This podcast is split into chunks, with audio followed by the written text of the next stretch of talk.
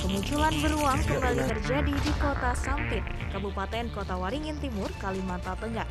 Munculnya seekor beruang di sekitar perumahan warga dekat pusat kota ini direkam oleh salah seorang warga menggunakan kamera ponsel.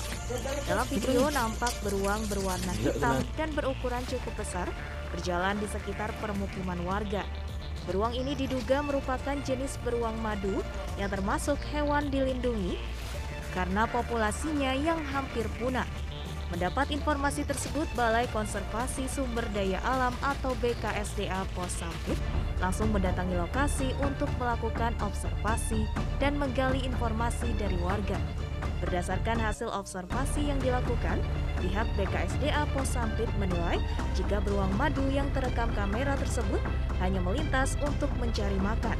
Diharapkan beruang madu tidak lagi muncul di lokasi itu. Meski begitu, warga tetap diimbau untuk waspada serta tidak membuang sampah rumah tangga di semak belukar karena hal itu dapat mengundang beruang datang. Layanan milik Facebook Incorporate seperti Facebook, Instagram, dan WhatsApp down di sejumlah negara.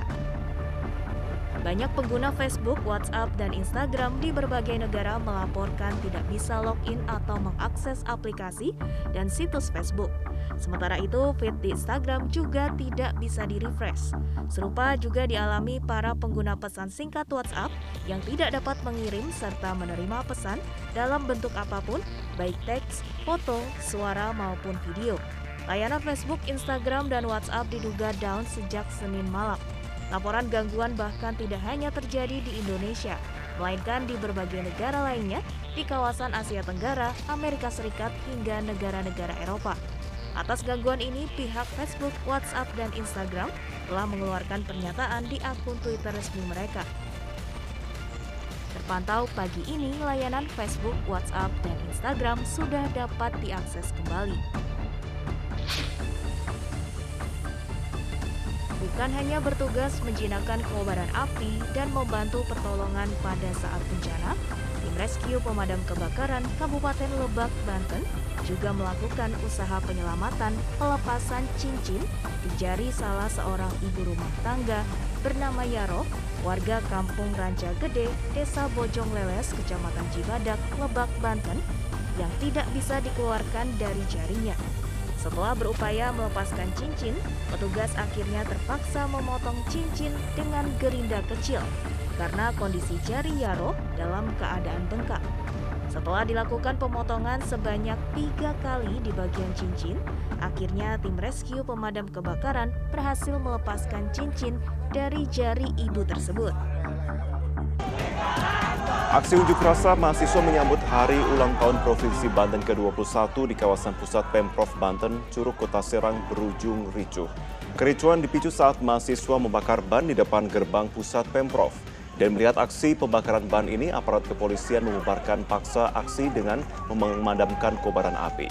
13 mahasiswa ditangkap lantaran diduga menjadi provokator. Aksi mahasiswa ini digelar atas keprihatinan mereka karena tingginya angka kasus korupsi di Provinsi Banten.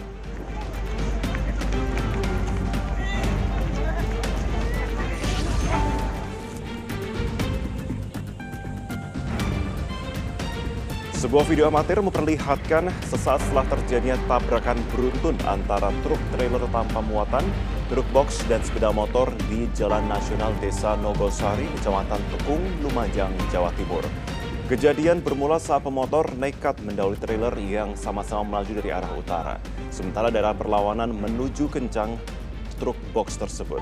Dan terkejut dengan adanya pemotor, sopir truk box banting setir hingga akhirnya menabrak trailer tanpa muatan dan sepeda motor. Kecelakaan ini membuat seorang penumpang truk box tewas di lokasi, sementara empat orang lainnya mengalami luka berat dan masih dalam perawatan medis di Rumah Sakit Umum Dr. Haryoto Lumajang. Dari hasil olah TKP, polisi menduga kecelakaan dipicu kelalaian pemotor.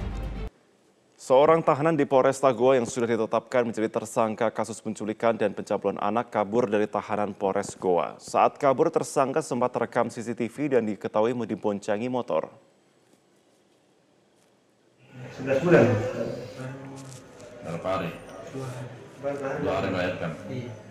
Dan beginilah wajah tersangka pemirsa kasus penculikan dan pencabulan anak saat menjalani pemeriksaan di unit PPA Satreskrim Polres Goa beberapa waktu yang lalu. Dan pada saat kabur terekam kamera CCTV.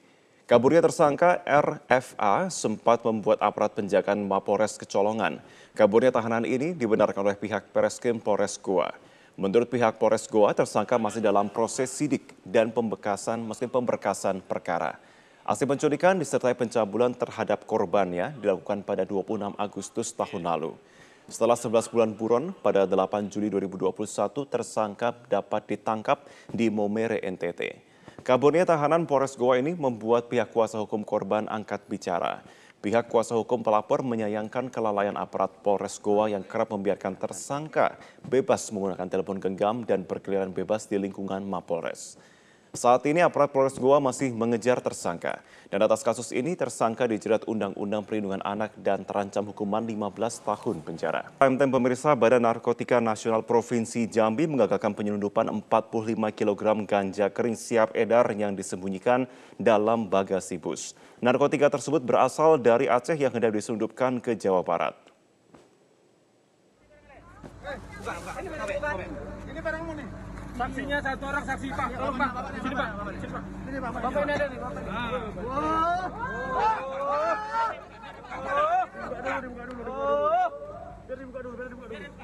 Pemirsa beginilah detik-detik penangkapan AN kurir narkoba yang menyamar menjadi penumpang bus oleh tim berantas Badan Narkotika Nasional Provinsi BNNP Jambi.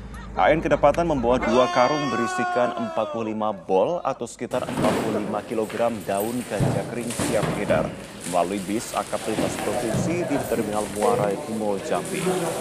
Ia menyembunyikan barang haram tersebut di bagasi bus dan untuk diantar dan diedarkan di Jawa Barat. Pelaku juga kedapatan ataupun mendapatkan upah setiap pengantaran sebesar 10 juta rupiah. Dan kini ganja tersebut disita dan diselidiki lebih lanjut untuk mengungkap dalang dari peredaran narkoba tersebut.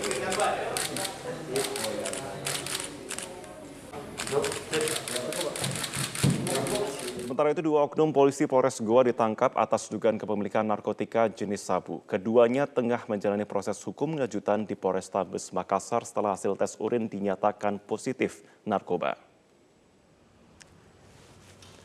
Hal tersebut disampaikan oleh Kabit Humas Polda Sulsel Kombes Pol E. Zulpan, di mana dua anggota Polri yang berpangkat bintara tersebut akan menjalani proses hukum lanjutan.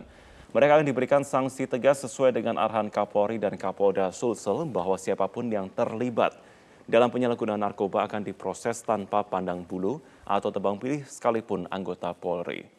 Saat ini oknum polisi berinisial AHH dan JS sudah ditahan di Mapores Tabes Makassar. Mereka dijerat undang-undang tentang narkotika dengan ancaman hukuman penjara selama 20 tahun. Sementara untuk sanksi dari institusi polisi akan dikenakan kode etik dan pidana. Sebelumnya pihak Polda juga telah melakukan tes urin terhadap dua anggota Polri tersebut di laboratorium forensik dan hasilnya terbukti positif narkoba. Diduga terus diteror debt kolektor pinjaman online atau pinjol, seorang ibu berinisial WPS 38 tahun di Wonogiri, Jawa Tengah tewas gantung diri di teras rumahnya. Dugaan terungkap dari pesan yang ditulis korban di sebuah buku catatan.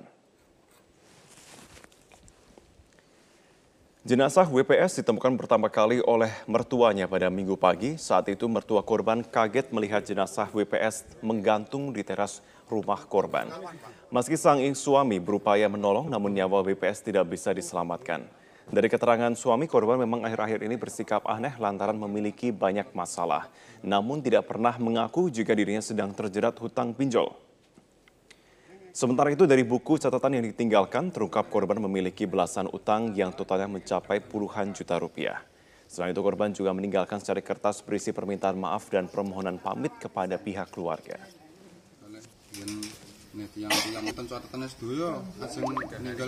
kejadian itu agak pendiam jadinya ada yang kumpul-kumpul yang sebelas itu biasanya ikut Enggak ikut.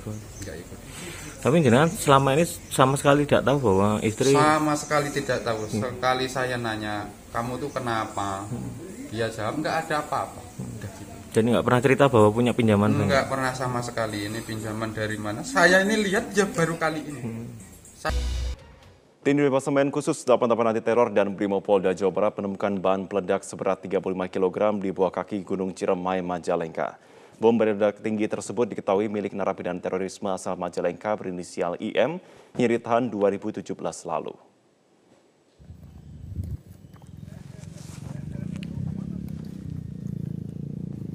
Dan seperti inilah kondisi saat tim Densus 88 anti teror bersama tim Jibom Polda Jabar Inafis Flores Jajalengka dan dibantu warga desa Bantaragung, Kecamatan Sindangwangi mencari bom berledak tinggi dengan membawa narapidana teroris berinisial IM pada Jumat lalu. Setelah berjalan di ketinggian 1.450 meter di atas permukaan laut di kaki Gunung Ciremai, petugas berhasil menemukan bom seberat 35 kg di beberapa wadah, di antaranya berupa toples, botol plastik, kontainer makanan, dan sejumlah barang bukti lainnya. Kasubsi Penmas Humas Polres Majalengka membenarkan temuan bom tersebut, namun belum berkenan untuk memberikan penjelasan lebih rinci terkait temuan bom ini.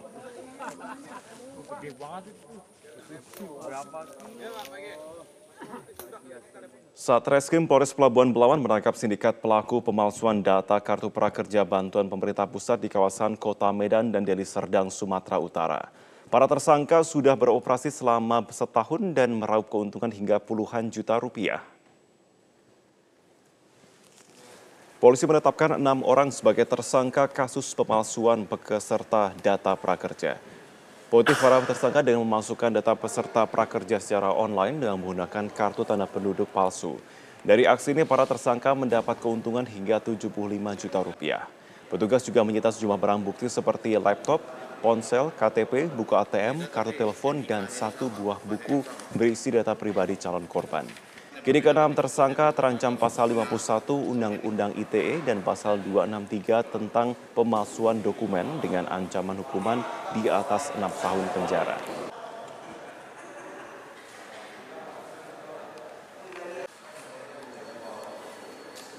Didukung oleh Koordinator PPKM Jawa Bali Lut Binsar Panjaitan menyatakan PPKM di DKI Jakarta masih berada di level 3. Hal tersebut karena sejumlah wilayah yang tergabung dengan aglomerasi Jabodetabek masih belum memenuhi syarat vaksinasi. Meski sudah memenuhi target vaksinasi, namun DKI Jakarta masih belum beranjak dari PPKM level 3. Koordinator PPKM Jawa Bali Luhut Bizar Panjaitan menyatakan DKI Jakarta masih termasuk aglomerasi Jabodetabek sehingga harus menerapkan PPKM level 3.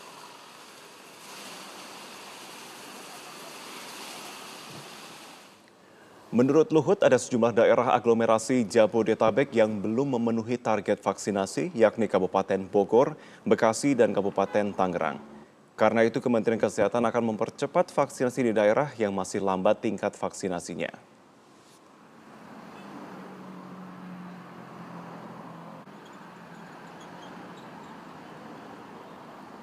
Aglomerasi Jabodetabek uh, belum turun karena ada di Kabupaten Bogor, Kabupaten ada tiga kabupaten tadi. Kabupaten Tangerang. Tangerang dan Bekasi.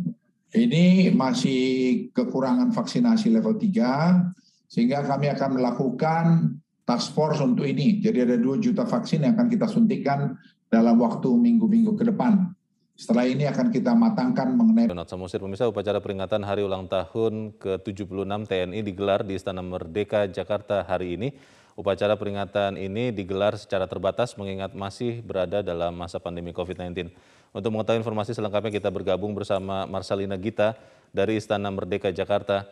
Gita, apakah upacara peringatan uh, ulang tahun TNI masih berlangsung saat ini? Ya, untuk upacara peringatan ke-76 HUT TNI baru saja selesai dilangsungkan di Istana Merdeka Jakarta dan tadi Presiden Joko Widodo baru saja melakukan video conference dengan para prajurit TNI yang berada di berbagai wilayah baik itu di Indonesia maupun juga di luar negeri. Video conference tadi pertama dilakukan oleh Presiden Joko Widodo dengan menyapa para prajurit TNI yang berada di Lebanon yang tengah bertugas satu tahun di Lebanon Butanon. Dan untuk diketahui bahwa saat ini Presiden Republik Indonesia Joko Widodo akan meninjau secara langsung pameran alutsista yang berada di sekitaran wilayah Istana Kepresidenan Jakarta tepatnya di Jalan Medan Merdeka Barat dan juga Jalan Medan Merdeka Utara. Saat ini kita akan melihat Presiden Joko Widodo sudah akan mulai keluar dari Istana Merdeka Jakarta didampingi langsung dengan Ibu Negara dan juga Wakil Presiden Republik Indonesia Kiai Haji Ma'ruf Amin beserta dengan beberapa Menteri Kabinet Indonesia Maju. Ada Menko Polhukam Mahfud MD, ada Menteri Pertahanan Prabowo Subianto, dan juga Panglima TNI, Kasal, Kasat, Kasal semuanya turut serta saat ini kita bisa lihat bersama-sama tengah meninjau alutsista yang tengah dipamerkan di depan Istana Merdeka Jakarta. Karena yang menarik dalam peringatan HUT ke-76 TNI kali ini ada 100 alutsista yang dipamerkan di wilayah Jalan Medan Merdeka Barat dan juga Medan Merdeka Utara. Hal ini dilakukan agar masyarakat yang melintas di sekitar wilayah Istana Kepresidenan Jakarta ini bisa dapat melihat alutsista yang dimiliki oleh tanah air setidaknya ada 112 alutsista yang dipamerkan. Saat ini kalau kita melihat ada kendaraan taktis yang diperlihatkan. Kalau kita melihat uh, dari keterangan resmi yang disampaikan dari Istana Kepresidenan Jakarta menyampaikan bahwa 112 kendaraan taktis yang ditampilkan ada berbagai macam mulai dari 35 unit kendaraan taktis Manoa, 8 unit Indonesian Light Strike Vehicle Armor Personnel Carrier, dan juga ada dua unit Prancis Busmaster. Tak hanya itu, ada juga 19 unit P6 ATAV, 18 unit rudal Mistral, 2 unit Mistral MTCV, 4 unit radar ECP, 2 unit BTR 4, 1 unit Alligator, 2 unit MPC Turangga, 4 unit MLRS RM70 Vampire beserta 1 unit Transis Takrapan. Dan juga ada 2 unit Orlikon Sky Shield, dan juga 6 unit ARM Cesar 155mm. Dan kalau kita melihat saat ini, Presiden Joko Widodo tampaknya turun untuk melihat secara langsung kendaraan taktis yang ditampilkan bersama dengan Ibu Negara dan juga Wakil Presiden dan juga beberapa menteri Kabinet Indonesia Maju. Berdasarkan tadi, kalau saya mencatat pidato yang disampaikan oleh Presiden Joko Widodo dalam HUT ke-76 TNI, setidaknya Presiden Joko Widodo menekankan bahwa saat ini masih dalam masa pandemi COVID-19, untuk itu diibaratkan sebagai perang. Perang yang harus terus bisa dilawan. Dan Presiden Joko Widodo menyampaikan bahwa peran dari TNI sangat besar dalam menangani pandemi COVID-19 yang terjadi di tanah air selama satu tahun lebih. Tidak hanya itu, Presiden Joko Widodo juga meminta agar kesigapan TNI untuk selalu diaktifkan dalam menghadapi spektrum ancaman yang lebih luas, seperti pelanggaran kedaulatan, pencurian kekayaan alam di laut, radikalisme, terorisme, ancaman cyber, ancaman biologi dan juga ancaman bencana alam. Presiden meminta agar prajurit TNI dan juga purnawirawan TNI dapat menghadapi spektrum yang semakin luas yakni dengan transformasi pertahanan yang harus terus dilanjutkan untuk meletakkan fondasi bagi pembentukan kapabilitas pertahanan modern yang relevan dengan perkembangan teknologi militer terkini. Untuk itu, Presiden meminta agar TNI dapat bertransformasi menjadi kekuatan pertahanan Indonesia yang mampu berperan di lingkungan strategis regional dan juga global. Tak hanya itu, tadi dalam HUT ke-76 TNI juga turut serta ada atraksi udara, yakni Flypass, ada 18 pesawat tempur yang melintas di atas Istana Merdeka Jakarta, serta ada 8 helikopter yang membawa bendera raksasa merah putih serta logo TNI. Kita nanti masih akan terus uh, menyaksikan bagaimana jalannya peninjauan yang dilakukan oleh Presiden Joko Widodo bersama dengan beberapa Menteri Kabinet Indonesia Maju dalam meninjau alutsista yang ada di depan Istana Merdeka maupun juga di Patung Kuda Jakarta.